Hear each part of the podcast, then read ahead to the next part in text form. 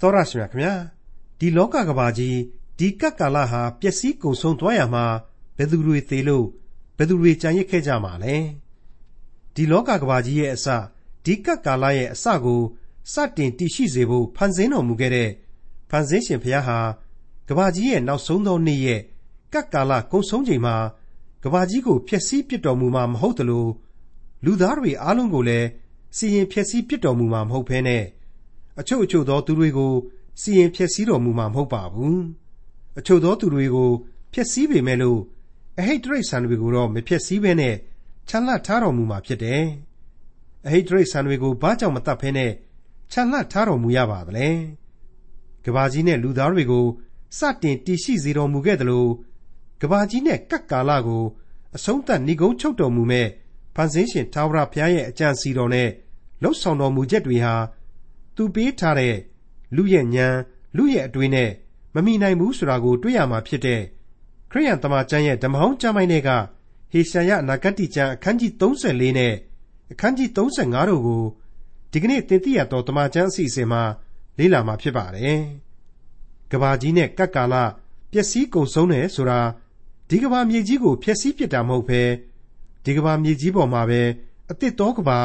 အတစ်တော်ကပ်ကာလတစ်ခုကို စတင်မှာဖြစ်တဲ့အကြောင်းဟေရှာယနဂတိကျမ်းအခန်းကြီး34နဲ့အခန်းကြီး35တို့ကိုဒေါက်တာထွန်းမြတ်အေးကအခုလိုလေ့လာတင်ပြထားပါတယ်။သင်သိရသောသမာကျမ်းသင်ခန်းစာများတို့ကိုအချိန်မှန်နားဆင်နေကြတဲ့ပရိသတ်တို့ဖို့အလွန်အလွန်ခက်ခဲနေနေပါလေဆိုတဲ့ဟေရှာယအနာဂတိကျမ်းတွေဟာဒီကနေ့ဒီအချိန်မှဆိုရင်အခန်းကြီး34ကိုရောက်ရှိလာပါပြီ။ဒီကနေ့အခန်းကြီး34ကိုဆက်ပြီးတော့မသွားခင်မှာ ကျွန်တော်အနေနဲ့အနည်းငယ်တင်ပြကျင်တာလေးရှိနေပါလေအဲ့ဒါကတော့တခြားမဟုတ်ပါဘူးအခုကျွန်တော်တို့လေ့လာနေကြတဲ့အနာဂတ်ကျမ်းတွေဟာကပ်ကာလရေ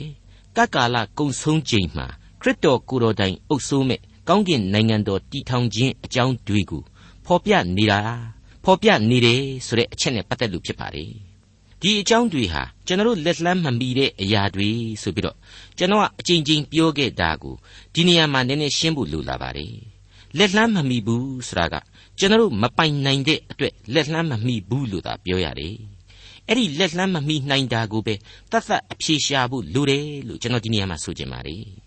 အခုကျွန်တော်တို့ဒီအကြောင်းတွေကိုစဉ်းစားနေတဲ့အချိန်ရဲ့နောက်ထပ်ဘယ်နှစ်ရက်ဘယ်နှစ်လဘယ်နှစ်နှစ်ကြာရင်ဖြစ်မယ်ဆိုတာကိုတောင်းမှကျွန်တော်တို့ကမသိရတဲ့အတွေ့အချိန်တိုကလေးနဲ့ရောက်လာလိမ့်မလား နောက်နှစ်ပေါင်းဘလောက်ထိကြာရှည်ကြာညောင်းစောင့်ရအောင်မှလေဆိုတာတွေ့ကိုဘာမှကျွန်တော်တို့အတတ်မပြောနိုင်ပါဘူးအဲ့ဒီတော့နက်ဖန်တပည့်ဖြစ်ခြင်းဖြစ်မယ်နောက်နှစ်တရာမှဖြစ်ခြင်းဖြစ်မယ်ဘယ်အချိန်မှပဲဖြစ်ဖြစ်ကျွန်တော်တို့လက်လှမ်းမမီတာကတော့အမှန်ပဲဖြစ်ပါလေအခုပြစ္ဆုတ်ပံအချိန်ကာလဟာကောင်းကင်နိုင်ငံတော်မတည်သေးတာမှန်တယ်ဒါပေမဲ့အဲ့ဒီနိုင်ငံတော်ရဲ့အရေးအငွေ့ကိုကျွန်တော်မိษွေတို့ဟာခရစ်တော်ကိုယုံကြည်ကိုးကွယ်ပြီးတော့ မုတ်ချခံစားထိတွေ့နိုင်တယ်ဆိုတာကိုလေကျွန်တော်အနေနဲ့မကြာခဏတင်ပြခဲ့ပြီးဖြစ်ပါတယ်ဟုတ်ပါတယ်ဒါဟာယုံကြည်ခြင်းအင်အားကြီးမားရင်ကြီးမားသလောက်ခံစားရသောဝိညာဏဆိုင်ရာစုကျေးဇူးတော်ဖြစ်ပါတယ်အဲ့ဒီလိုမြေပေါ်မှာယင်ဆိုင်ရာကပ်ကာလအချိန်ရေကောင်းကင်နိုင်ငံတော်တိဆောက်ခြင်းရေမှာခရစ်တော်ဟာရှင်ဘရင်အဖြစ်ကြွဆင်းလာမှာဖြစ်လို့အဲ့ဒီအချိန်ကာလကိုလူလောကဟာဒီအနာဂတ်ကျမ်းတွေနဲ့ပဲမျှော်ကြည့်ကြရတယ်စဉ်းစားကြရပါတယ် အဲ့ဒါဟာတကယ်လက်တွေ့အသက်တာရဲ့လက်တွေ့မျော်လင့်စောင့်စားခြင်းတစ်ခုကိုတော့ဖုံးလွှမ်းမသွားသင့်ပါဘူးဟုတ်ပါတယ်လက်လန်းမမီတဲ့ရှင်ဘရင်ကိုမျော်လင့်စေတဲ့နှုတ်ကပတ်တော်မှာပဲလက်လှမ်းလို့ကောင်းကောင်းမှီနိုင်တဲ့ကဲတင်ရှင်ကိုမျှော်လင့်ဖို့ဆိုတာဟာပို့ပြီးတော့နားလေသဘောပေါက်ခန်းစားထိတွေ့နိုင်ဖို့လိုပါတယ်အထူးသဖြင့်တိတုဩဝါဒစာအခန်းကြီး2အငယ်7ကနေ14အတွင်းကိုဖတ်ကြည့်နိုင်မယ်ဆိုရင်အခုလိုတွေ့ရမှာပါအကြောင်းမူကား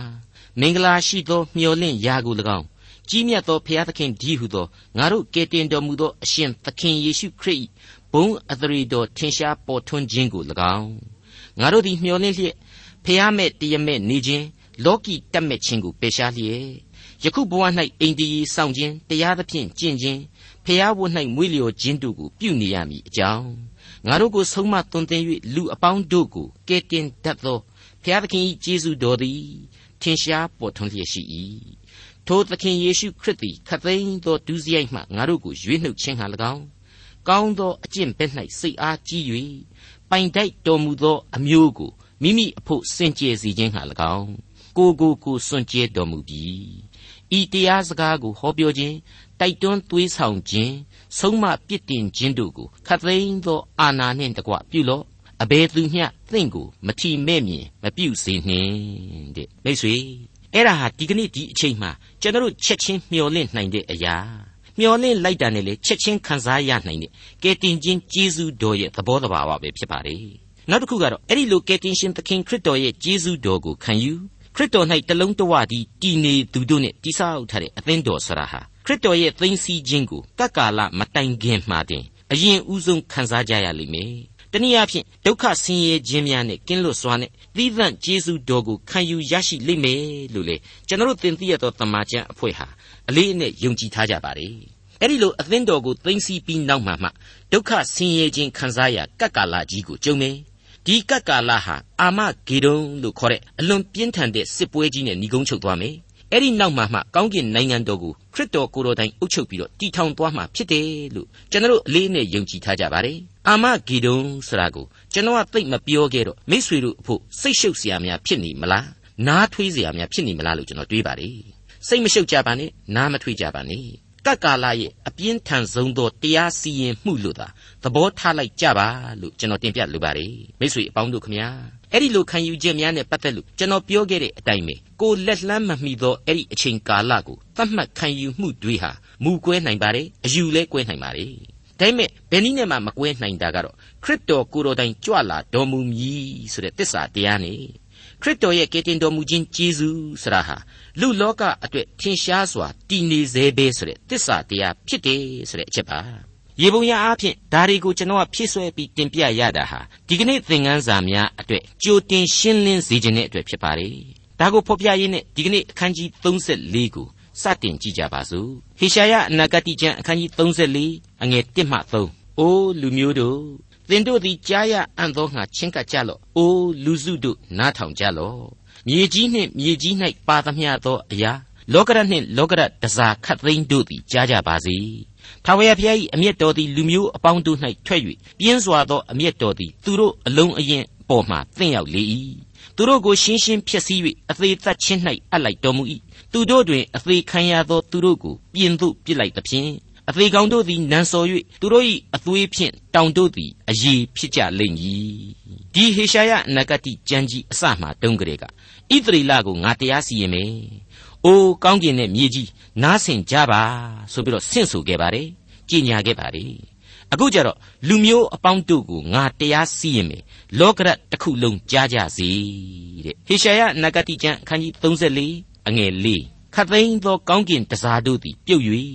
မိုးကောင်းကင်သည်စာလိတ်ကဲ့သို့လိမ့်လျက်ရှိလိမ့်မည်။စပြည့်နွယ်ပင်မှအရွက်ကျသကဲ့သို့၎င်း သင်္ဘောတဖန်းပင်မှအသီးကျသကဲ့သို့၎င်းခတ်သိမ်းသောကောင်းကင်တစားတို့သည်ကြကြလိမ့်မည်ကြွေကြပြီးလာတဲ့အရွက်ကလေးကိုစူပါဂလူးနဲ့ကပ်ပြီးတော့ပြန်လဲရှင်းသန့်အောင်ဘယ်သိပ္ပံပညာရှင်မှမလုပ်နိုင်ပါဘူးကမ္ဘာလောကကြီးတစ်ခုလုံးရဲ့အဖြစ်ဟာဘလောက်အထိဆိုးတယ်လေနှုတ်ကပတ်တော်မှာတော့အပြင်းထန်ဆုံးဖော်ပြချက်တွေနဲ့သမိုင်းညီကုန်းချုပ်ရမှာဖြစ်ပါတယ်ဟေရှာယအနာဂတိကျမ်းအခန်းကြီး34အငယ်9မှ9ငါဓာသည်မိုးကောင်းခြင်း၌ရောင်ရဲပြီးမှ တဖန်အေဒုံပြည်အပေါ်မှ၎င်းငါကျိန်သောလူများတို့အပေါ်မှ၎င်းဒံပေးခြင်းဟာရောက်လိမ့်မည်ထာဝရဘုရား၏ဓာတော်သည်အသွေးနှင့်ဝပြီးစီဥနှင့်ဆူပြီးသိုးတငယ်နှင့်စိတ်တို့၏အသွေးသိုးကြီးတို့၏ကြောက်ကပ်စီဥနှင့်ဆူဝပြီးထာဝရဘုရားသည်ဘောဇရမြို့၌ရစ်ပွဲကို၎င်းအေဒုံပြည်၌ကြီးစွာသောတတ်ချင်းပွဲကို၎င်းခံတော်မူ၏ ကြံများနှင့်နွာလာဥတ္တဖများတို့သည်လဲကြသဖြင့်သူတို့နေရာမြေသည်သူတို့အသွေးနှင့်ရစ်မှု၍မြေမှုန့်သည်လေစီဥနှင့်ဆူဝလိမ့်မည်မိတ်ဆွေဒီအပိုင်းမှာဖော်ပြထားတဲ့အေဒုံဆိုတာဟာဣသရေလဖြစ်တဲ့ယာကုပ်နဲ့ဆန့်ကျင်ဘက်ဇယိုက်ရှိသောညီအကိုအေသောရဲ့အမျိုးဖြစ်ပါတယ်အေသောဆိုတာဟာကပ္ပဦးကျမ်းသင်ခန်းစာတွေမှာကလေးကအသွေးအသားကိုကိုစားပြုတယ်ဆိုတာကိုကျွန်တော်ရှင်းပြခဲ့ပြီးပြီ တနည်းအားဖြင့်ဇာတိပဂရိရဲ့ကိုစားပြုအမှတ်တညာဖြစ်နေတယ်အဲ့ဒီဇာတိပဂရိလွှမ်းမိုးရာလူအဖွဲ့အစည်းကိုဘုရားသခင်ဟာကောင်းကင်မှာရောက်ရဲနေတဲ့တနည်းအားဖြင့်သိတိတင်ထားတဲ့ဓာတ်တော်နဲ့သုတ်သင်ဖယ်ရှင်းမယ်ဆိုပြီးတော့ဖော်ပြပေးလိုက်ပါတယ်ရောင်ရဲတယ်ဆိုတာကိုအင်္ဂလိပ်သမာကျမ်းစာက bait ဆိုပြီးတော့ဖော်ပြထားပါတယ်စေကြောသုတ်သင်တယ်ဆိုတဲ့သဘောဖြစ်ပါတယ်ဒီတော့ဓာတ်တော်နဲ့တတ်တယ် ဒဏ်ပေးတယ်ဆိုတာဟာကောင်းကင်နိုင်ငံတော်အမှုအတွက်အပြစ်စီရင်ခြင်းဖြစ်ကြောင်းရှင်းလင်းစွာမြင်နေရပါတယ်ဟေရှာယအနာဂတိကျမ်းအခန်းကြီး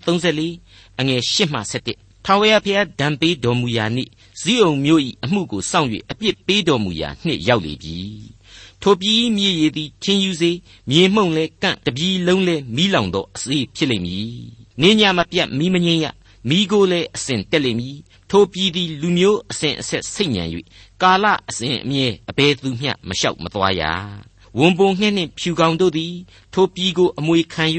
ဣပိတ်ငှက်နှင့်ကြီးအားတို့သည်လည်းနေကြလိမ့်မည်ထိုမြေအပေါ်မှလွတ်လပ်ခြင်းမြင်းကျိုးကိုတန်း၍လဟာမှန်တုတ်ကိုစီရင်တော်မူလိမ့်မည်မိတ်ဆွေအပေါင်းတို့ပြီးခဲ့တဲ့သင်ခန်းစာမှာကောင်းကင်နိုင်ငံတော်တည်ထောင်တဲ့အချိန် ဇီးုံမြို့တော်နဲ့ယေရုရှလင်ဝန်းကျင်မှာမြစ်ကြီးအပေါင်းတို့ပေါ်ထွက်မယ်လို့ဘုရားသခင်ဖော်ပြခဲ့ပါတယ်။အခုအချိန်မှာတော့ကောင်းကင်နိုင်ငံတော်တည်ရမယ်မြေအတွက်တရားစီရင်ခြင်းသို့မဟုတ်ကပ်ကာလရဲ့အပြင်းထန်ဆုံးဖြစ်စည်းခံရခြင်းရှိနေတဲ့ကပ္ပမြင့်မင်းအပေါင်းတို့ဟာခန်းချောက်သွားကြရလိမ့်မယ်။မီးပြင်းထန်စွာတိုက်တဲ့အတွက်ကြောင့်ပေါက်စီးကျသွားရလိမ့်မယ်ဆိုတာကိုနှုတ်ကပတ်တော်ဟာရှင်းရှင်းလင်းလင်းလေးဖော်ပြပေးလိုက်ပါတယ်။ လွတ်လပ်ခြင်းမြင်ကျူးဆိုတာကိုအင်္ဂလိပ်က line of confusion ဆိုပြီးတော့ဖော်ပြပါတယ်ရှင်းရှင်းပြောရရင်တော့ out of bound လို့ခေါ်တဲ့နေဝင်မိငိမ့်အမိတ်နဲ့ကန့်သတ်လိုက်ခြင်းဖြစ်ပါတယ်လာမှန်တော့ဆိုတာကတော့ stones of emptiness လို့ဖော်ပြထားပါတယ်အနတ္တဖုံးစိုးမြေသို့မဟုတ်ဘာဆိုဘာမျှမရှိတော့ဘူးဆိုပြီးတော့ကြီးညာပေးလိုက်တာပါပဲဒါမဲ့ဒါဟာကောင်းကင်ဘုံအမိတ်များကြီးညာချက်များမှုလို့အလွန်အလွန်ပြင်းထန်တဲ့အမိတ်များဖြစ်ပါတယ် အလွန်အလွန်ကြောက်မဲ့ဖွယ်ကောင်းလိမ့်မယ်ဆိုတာကိုလေကျွန်တော်တို့ခံယူနားလည်ထားဖို့လိုပါတယ်ဟေရှာယအနာဂတိကျမ်းအခန်းကြီး34အငယ်7မှ18အဆုံးအထိမင်းအရာ၌ချီးမြှောက်ရသောမူးတော်မတ်တော်မရှိရမင်းရိုးပြက်ရလိမ့်မည်ဘုံဗိမ္မာန်တို့၌၎င်းရဲရိုက်တို့နှင့်၎င်းစုပင်အမျိုးမျိုးပေါက်ကြလိမ့်မည်မြေကွေးခိုရာကလအုပ်ငှက်နေရာဖြစ်ရလိမ့်မည် ထိုအရ၌တောသားရဲတို့သည်တောခွေးတို့နှင့်တွေ့ကြုံကြလိမ့်မည်မြောက်တို့သည်အချင်းချင်းတကောင်ကိုတကောင်မြည်ကြလိမ့်မည်ထိုအရ၌လိလိတ်ငှက်သည်လည်းနား၍ခိုးလှုံရာကိုတွေ့လိမ့်မည်ခုံတက်သောမွေသည်လည်းထိုအရ၌အဖိုက်လှုပ်၍ဥလိမ့်မည်အဥပေါက်ပြီးမှမွေငယ်တို့ကိုစုသိမ့်၍ကွယ်ကာလိမ့်မည်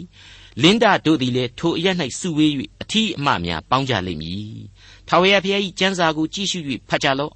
ထိုတရိษံတကောင်မျှမပေါ်ဘဲမနေရ အမတကောင်မျှမိမိအဖော်ကိုမလိုရထာဝရဘုရား၏နှုတ်တော်အတွက်အမိန့်တော်ရှိ၏ဝိညာဉ်တော်သည်လည်းသူတို့ကိုစုဝေးစေတော်မူ၏သူတို့ကိုစည်ရည်တံပြုလျက်လက်တော်နှင့်မြင်းကြိုးကိုတန်းလျက်သူတို့နေရာကိုခွဲဝေတော်မူ၏သူတို့သည်ထိုပြည်ကိုအမြဲအမွေခံ၍အမျိုးအနွယ်အစဉ်အဆက်နေရကြလိမ့်မည်မထူးဆန်းဘူးလားသူကိုယ်တိုင်အသက်ဝိညာဉ်မှုတ်သွင်းပေးထားတဲ့အရွေးချယ်ခံလူဒန်းစားလူသားရဲ့အဖွဲ့အစည်းကို သူကိုယ်တိုင်ဖျက်သိမ်းပစ်လိုက်တယ်ဆိုတဲ့သဘောကိုရှင်းရှင်းကြီးမြင်ရတယ်။သူဝိညာဉ်မပေးအပ်ထားတဲ့တိရစ္ဆာန်လောကကိုတော့ခြံရစ်ထားသေးတယ်တဲ့။ဟုတ်တယ်။သူဖျက်ဆီးပစ်တာကိုတရားစီရင်ခြင်းဖြစ်လို့ဘသူကမှဝင်ပြီးတော့မတားနိုင်ဘူး။အဲ့ဒီလိုပြီးတဲ့နောက်မှာတော့ကောင်းကင်နိုင်ငံတော်မြေပေါ်မှာတည်ထောင်မယ်။ သူရှင်သန်စေမဲ့လူတွေနဲ့တည်မဲ့နိုင်ငံတော်အတွက်ပြေဝစုံနေတဲ့ကျေးဇူးပြုကျင်တဲ့အတွက်ကြောင့်အဲ့ဒီအဟိတ်တိရစ္ဆာန်လောကကြီးကိုတမင်ချန်ရစ်ထားတာပဲလို့ကျွန်တော်ခံယူလိုက်ပါရစေမိတ်ဆွေအပေါင်းတို့ကြက်သိမ်းမွေးညင်းထကျင်စရာကောင်းလောက်အောင်ပြင်းထန်နေတဲ့စီရင်တော်မူခြင်းတွေပြီးရင်ဘာတွေများဖြစ်လာအောင်မှလဲဆိုတာကိုအခုဟေရှာယအနာဂတိကျမ်းအခန်းကြီး35ဟာဆက်လက်ဖော်ပြသွားပါလိမ့်အောင်မယ်ဟေရှာယအနာဂတိကျမ်းအခန်းကြီး35အငယ်1မှ3 တောနှင့်လွင်ပြင်သည်ဝမ်းမြောက်လိမ့်မည်စိတ်ညံသောအရက်သည်လည်းရှင်လန်း၍နှင်းပွင့်ကဲ့သို့အပွင့်ပွင့်လိမ့်မည်အလွန်ပွင့်လန်း၍ဝမ်းမြောက်ခြင်းတည်ခြင်းဆိုခြင်းနှင့်တကွမြူးတူးလိမ့်မည်လေဗနုန်တောင်ဤဘုံနှင့်၎င်းကရမေလတောင်ရှားရုံအရက်တို့၌တင့်တယ်ခြင်းအသရေနှင့်၎င်းပြည့်စုံလိမ့်မည်ထာဝရဘုရား၏ဘုံတော်ကို၎င်းငါတို့ဘုရားသခင်၏တကောအာနုဘော်တော်ကို၎င်းမြင်ရကြလိမ့်မည်ကဲ အခန်းကြီး34ရဲ့စီရင်ခြင်းနဲ့ဆန့်ကျင်ဘက်ဖြစ်သွားပြီမဟုတ်ဘူးလားမူရင်းဟေပြဲစာပေအထုံးအဖွဲ့အရာလင်္ကာရသဖြစ်ပါတယ်ကျွန်တော်မြန်မာဝတ္ထုလောကမှာစာရေးဆရာမြတ်ထန်ရဲ့စာအုပ်နှုတ်ကိုကျွန်တော်ဖတ်ဖူးပါတယ်တိုင်းပြည်ကနုနုမုံတိုင်းကထန်တန်တဲ့ပြီးတဲ့နောက်မှာတော့နောက်ထပ်တအုပ်ထပ်ပြီးတော့သူကရေးတယ်မုံတိုင်းဆဲလီတော့တဲ့အခုဖြစ်စဉ်ကတော့တိုင်းပြည်တစ်ခုနဲ့ဘယ်နည်းနဲ့မှမရှင်းနိုင်အောင်ကြီးမားတဲ့ကဘာမြေကြီးဩကာသတစ်ခုလုံး လူအဖွဲ့အစည်းတစ်ခုလုံးရဲ့ပြဿနာပါပဲဒါကြောင့်မလို့လေအခန်းကြီး34မှာကလေးကဏ္ဍန်ပြုခဲ့ပြီးပြီအိုးလောကရတ်နဲ့လောကရတ်တစားခတ်သိမ်းတို့ကြားကြစီတဲ့သူ့ရဲ့အမိန့်တော်မှုလို့အာနာဘလောက်ထိတည်တယ်လဲဆိုတာကိုကြည့်ကြပါဦးဒီကနေ့ဒီကဘာမှာဘာသာစကားပေါင်း2000ကျော်ရှိတယ်လို့ဆိုပါတယ်အဲ့ဒီအထက်မှာသမာကျမ်းစာအုပ်မရှိတဲ့ဘာသာစကားဆိုတာမရှိသလောက်ရှားတယ်အင်မတန်ကိုလူနည်းစုလေးမှုလို့ဘာသာပြန်ဆိုမှုမရှိတဲ့အပိုင်းကလေးအ ਨੇ အကျင့်မျှတာမရှိတာ ဒါပေမဲ့နှုတ်ကပတ်တော်နဲ့စိမ့်တယ်ဆိုတာဟာမရှိလောက်အောင်ဒီအသံတော်ဟာတစိမ့်စိမ့်ပြန့်နှံ့နေတယ်ဆိုတာကိုကျွန်တော်တို့တွေ့ရပါတယ်ဟုတ်ပါတယ်လောကရနှင့်လောကရတစားခတ်သိမ်းတို့သည်ကြားကြစီတဲ့အခုဟေရှာယအနာဂတိကျမ်းအခန်းကြီး35ကတော့အခုလိုဆက်လက်ဖော်ပြထားပါတယ်တောနှင့်လွင်ပြင်သည်ဝမ်းမြောက်လိမ့်မည်စိတ်ညံသောအရက်သည်လည်းရှင်လန်း၍နှင်းပွင့်ကဲ့သို့အပွင့်ပွင့်လိမ့်မည်တဲ့တောနှင့်လွင်ပြင်ဟာအရင်တုန်းကဝမ်းမမြောက်နိုင်ခဲ့ဘူး ဒါကြောင့်မလို့ခရစ်တော်နိုင်ငံတော်တည်ခြင်းမှာဝမ်းမြောက်ရလိမ့်မယ်ဆိုတာကိုစဉ်းစားကြည့်တော့လောလောဆယ်ကပ္ပပြဿနာကြီးတွေကိုဖျက်ခနဲ့ကျွန်တော်ခေါင်းထဲကိုရောက်လာပါတယ်သွားပြီးစဉ်းစားမိပါတယ်ကမ္ဘာအရရမှာတော်မီကြီးတွေအကြီးအကျယ်လောင်ကျွမ်းနေတာတွေလူဦးရေပောက်ကွဲမှုကြီးကြောင့်တောတွေတောင်တွေမှာသဘာဝသစ်ပင်တွေအရန်ပျက်စီးပြီးတော့တောတရိษံတွေမျိုးပြုံးလူကမန်ဖြစ်ကုန်တာတွေကိုကမ္ဘာသတင်းများမှာကျွန်တော်တို့ကြားနေရပါတယ်ဒါတွေကိုအခုလိုသွားပြီးတွေးမိတောမိတိုင်းအရန်ရင်မောเสียမကောင်းဘူးလား အိုဆုံးလွှာပောက်ကွဲမှုကြောင့်ရာသီဥတုဖောက်ပြန်နေတယ်အရေးထဲမှာလူဦးရေကလည်းပောက်ကွဲပြီးတော့တိုးပွားများပြားနေတယ်ကဘာနဲ့မဆန့်ကြံ့နေတယ်ပြီးတဲ့နောက်မှာတော့သိပ္ပံအတတ်ပညာပောက်ကွဲလို့ဆိုပြီးတော့ကောင်းတာတွေကိုသာလက်ညှိုးထိုးနေရတယ်အဲ့ဒီသိပ္ပံနီးကြီးတွေနဲ့စိရိတ်ကြီးထိုးကြလာတာဒီကိုတော့မစင်စားကြဘူးဆိုတာကိုကျွန်တော်ပြန်ပြီးတွေ့ရတယ်တစ်ချိန်တည်းမှာပဲအလွန်ထူးဆန်းတဲ့ AIDS လို့ယောဂမျိုးတွေနေအောင်ချီသင့်မှုတွေ ဓာတ်ရောင်ချီသင့်သင့်မှုတွေနဲ့လူတွေရဲ့သွေးယောဂအမျိုးမျိုးဖြစ်နေပုံတွေအကြောင်းတွေကိုပြန်ပြီးစဉ်းစားလိုက်ရင်အခုအချိန်ကာလမှာတောင်းမှကျွန်တော်တို့အဖို့တောနဲ့လွင်ပြင်းဆိုတာဟာဝမ်းမြောက်စရာအခြေအနေအရှင်းမဟုတ်ဘူးလို့ကျွန်တော်ဆိုချင်ပါတယ်စိတ်ညံသောအရာဆိုတာကတော့စောစောကအခန်းကြီး34ကနေဖော်ပြပေးလိုက်တဲ့ကတ်ကာလရဲ့ဖုံးစိုးမြေပဲပေါ့မိလောင်ပြကြနေတဲ့မြေပေါက်စီးကျသွားတဲ့မြေကြီးများရဲ့အရက်ဒေသပဲအဲ့ဒီကျိန်စာသင်ချင်းခန်းစားရအရက်ကနေပြီးတော့နှင်းပွင့်ကဲ့သို့အပွင့် ပွင့်ပြန်လိမ့်မည်တဲ့မိတ်ဆွေကျွန်တော်အိမ်ကနေပြီးတော့နှစ်ချင်းခရိယန်အသင်းချုပ်ကိုလမ်းလျှောက်သွားရင်းနဲ့တနေ့မှအတုပတစ်ခုနဲ့ကျွန်တော်ကြုံဆုံပါတယ်အထွေထွေယောဂကုဆေးရုံသစ်ကြီးရဲ့ရေခဲတိုက်မှာအတုပတစ်ခုအတွက်ကားတွေရက်ထတာတွေ့ရတယ်ငိုရှိုက်တန်တွေကိုလည်းကြားရပါတယ်ကျွန်တော်ကအဲ့ဒီမြင်ကွင်းကိုဘယ်ဘက်မှာတွေ့ရခြင်းဖြစ်ပါတယ်ညာဘက်ကိုကြည့်လိုက်တဲ့အခါမှာတော့အမိုက်တရိုက်တွေပလတ်စတစ်အိတ်ခွန်တွေနဲ့မြက်တော်ကလေးတစ်ခုကိုတွေ့ရပြန်ပါတယ်အဲ့ဒီမြက်တော်ဟာသိပ်ပြီးတော့အကြီးတန်းတယ်လို့ကျွန်တော်ထင်ပါတယ် မြက်တွေဟာလည်းစိမ့်စိမ့်ဆူဆူမရှိပါဘူးထူးခြားနေတာကတော့အဲ့ဒီအကြီးတန်းမြေပေါ်မှာကတိကသက်အရင်ပန်းကလေးတွေပွင့်နေခြင်းပဲအချိန်ကာလဟာຫນွေဥပါဒါကြောင့်ကျွန်တော်ယင်ထဲမှာတော့နှင်းပန်းကလေးတွေအဖြစ်ပဲကျွန်တော်ခံယူမိပါတယ်တာမန်အားဖြင့်ဒီလောက်တွေးချောက်တဲ့အချိန်မှာနှင်းရည်မတော့ရဘဲနဲ့ဒီပန်းကလေးတွေဟာဘယ်လို့မှမပွင့်နိုင်ဘူးလို့ကျွန်တော်တွေးပါတယ်တစ်ဖက်ကအတုပါတစ်ဖက်ကအကြီးတန်းမြည်ဒါပေမဲ့ဘုရားသခင်ရဲ့ကျေးဇူးတော်ကြောင့်ပန်းကလေးတွေပွင့်နေကြတာဟာအခုအနာဂတ်ကိုပို့ပြီးတော့နက်နက်ရှိုင်းရှိုင်းတွေးတောဆင်ခြင်မိစေတယ်လို့ကျွန်တော်ခံယူပါတယ်ဟုတ်ပါတယ်ဒီကနေ့ဒီအချိန်မှမြင်တွေ့ရတာဒီကြားနေရတာဒီခန်းစားထိတွေ့နေရတာတွေဟာအဲ့ဒီကောင်းကင်နိုင်ငံတော်တည်ခြင်းရဲ့အခြေခံပြရုပ်တွေကြီးပဲလို့ကျွန်တော်ခန်းစားမိပါတယ်သူဖန်ဆင်းတဲ့မြေတစ်ချက်လွတ်အမိတ်နဲ့တည်စေတဲ့စัจ java လာအနန္တာသူ့ဝိညာဉ်မှုတ်သွင်းထားတဲ့လူသားသူအကျွင့်မဲ့ဖြက်စီးတုတ်တင်ပြစ်နိုင်တယ် ဒါပေမဲ့မဖြက်စီးခြင်းတဲ့အတွက်ကြောင့်ကဲတင်ချင်းဂျေဇူးဆိုတာကိုနီလန်အမျိုးမျိုးနဲ့သူဟာနှုတ်ကပတ်တော်တဲမှာဖော်ပြထားတယ်လူသားတို့ကိုလက်ခံယုံကြည်စေခြင်းတည်းအခုအနာဂတ်တွေဆိုတာဟာလေတကယ်တော့အနှစ်သာရအဖြစ်သူ့ရဲ့အဲ့ဒီကဲတင်ချင်းကျေးဇူးတရားကိုလူသားတို့လက်ခံကြပါဆိုတာကိုဖော်ပြနေတာပဲလို့ကျွန်တော်ခံယူမိပါတယ်ပမောက္ခရဂျီခင်မောင်တင်ကဘာသာပြန်ပေးတဲ့သချင်းလို့ကျွန်တော်ထင်ပါတယ်ဓမ္မတိချင်းစာအုပ်ထဲမှာတွေ့ရတဲ့အဲ့ဒီသချင်းဟာအခုလိုဖော်ပြထားပါတယ် အိုဖဖျားစိတ်လှုပ်ရှားအံ့ဩပွေရာများကဘာအဆက်ဆက်လက်တော်ဖြင့်ဖန်ဆင်းသည်ကောင်းကင်ကျင်နှင့်တစ်ချုံသောမိုးကြိုးတန်လေတကိုးတော်ဤတက်တည်များဖြစ်၏တဲ့ဖန်ဆင်းတော်မူခြင်းကိုအဲ့ဒီလိုထောမနာပြုထားတာကိုဓမ္မတိချင်းစာအုပ်ထဲမှာတွေ့ရခြင်းပါဒီနေရာမှာကျွန်တော်ကလည်းကိုယ့်ရင်ထဲမှာခန်းစားရတဲ့အတိုင်းပဲဖန်ဆင်းတော်မူခြင်းအကြောင်းကိုအခုလိုကြပြတပုတ်ဆက်ဆိုခဲ့ပူပါတယ်စောစွာနိုးထသင်္ကဟသူချုံမြခွန်းဆက်မိုးဆွေငှက်သည် ပင်ထက်လူးလာလွန်တန်ပါ၏ဆိုရာပြည်ပြင်းသူ့တန်စင်ကိုလွင်အောင်ဘသူရေးသနည်းမြင့်မရေစံလှိုင်းများထန်လေအာမန်မလျှော့ဗေဒာမော့လျက်ကြော့၍ရင်ရင်အလွန်စိမ့်၏ငင်းချမ်းရိပ်မြုံသူတို့ဘုံကိုလုံအောင်ဘသူထွေးသည်နီတွေးမိငေးမိအဖြေရှိ၍ဖိုက်လက်ရာကောင်းကင်ဗျာကိုငေးကစိုက်စိုက်မောသောခိုက်ဝဲအမိုက်မှောင်ခွင်းယုံကြည်ခြင်းနှင့် ရင်တွင်သိမ့်သိမ့်တုံသည်တကားအဲ့ဒီလိုဆက်ဆူမိခြင်းဖြစ်ပါလေမိတ်ဆွေအပေါင်းတို့ခမညာဖျားသခင်တိဆောက်ပေးထားတဲ့ကမ္ဘာလောကကြီးမှာနေထိုင်ကျက်စားပြီးတော့သူ့ကိုသိလည်းမသိစိတ်လည်းမဝင်စားယုံလည်းမယုံကြည်ပုံလဲပုံကန်းပြီးနေမယ်ဆိုရင်တော့သူပေးတဲ့ကယ်တင်ခြင်းကျေးဇူးတော်ဆိုတာနဲ့ဝေးကြရလိမ့်မယ်လို့ကျွန်တော်အလေးအနက်တင်ပြလိုက်ပါရစေ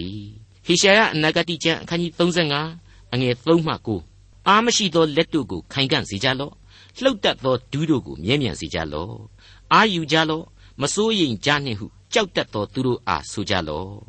အကြောင်းမူကားသင်တို့၏ဖျားသခင်သည်အပြစ်ပေးလျက်ဒဏ်စီရင်လျက်ကြွလာတော်မူလိမ့်မည်ဖျားသခင်သည်ကိုတော်တိုင်ကြွလာ၍သင်တို့ကိုကယ်တင်တော်မူလိမ့်မည်ထိုအခါမျက်စိကန်းသောသူတို့သည်မျက်စိပွင့်လင်းကြလိမ့်မည်နားပင်သောသူတို့သည်နားပင်ခြင်းနှင့်လွတ်ကြလိမ့်မည် ခြေဆွံ့သောသူတို့သည်တရေကဲ့သို့ခုန်ကြလိမ့်မည်စကားအသောသူတို့သည်တည်ခြင်းဆိုကြလိမ့်မည်အကြောင်းမူကားတော၌စမ်းရည်ထွက်၍လွင်ပြင်၌မြည်ရည်စီးလိမ့်မည်တန်လျက်သည်ရေကန်ဖြစ်လိမ့်မည်သွေးချောက်သောမြေသည်စမ်းရည်တွင်ဖြစ်လိမ့်မည်မြေခွေးအိယာနေရာ၌ကျူပင်နှင့်ဂမာပင်အစားမြက်ပင်ပေါက်လိမ့်မည်ထိုအရ၌လမ်းမကြီးရှိလိမ့်မည်ထိုလမ်းကိုတန်ရှင်းရလမ်းဟုသမုတ်ကြလိမ့်မည်မစင်ကြဲသောသူသည်ထိုလမ်းကိုမလျှောက်မသွားရ သွားသောသူတို့နှင့်အတူကိုတော်တိုင်ခရီးသွားလျက်ရှိတော်မူသည်ဖြစ်၍မိုက်သောသူတော်လည်းလမ်းမလွဲရ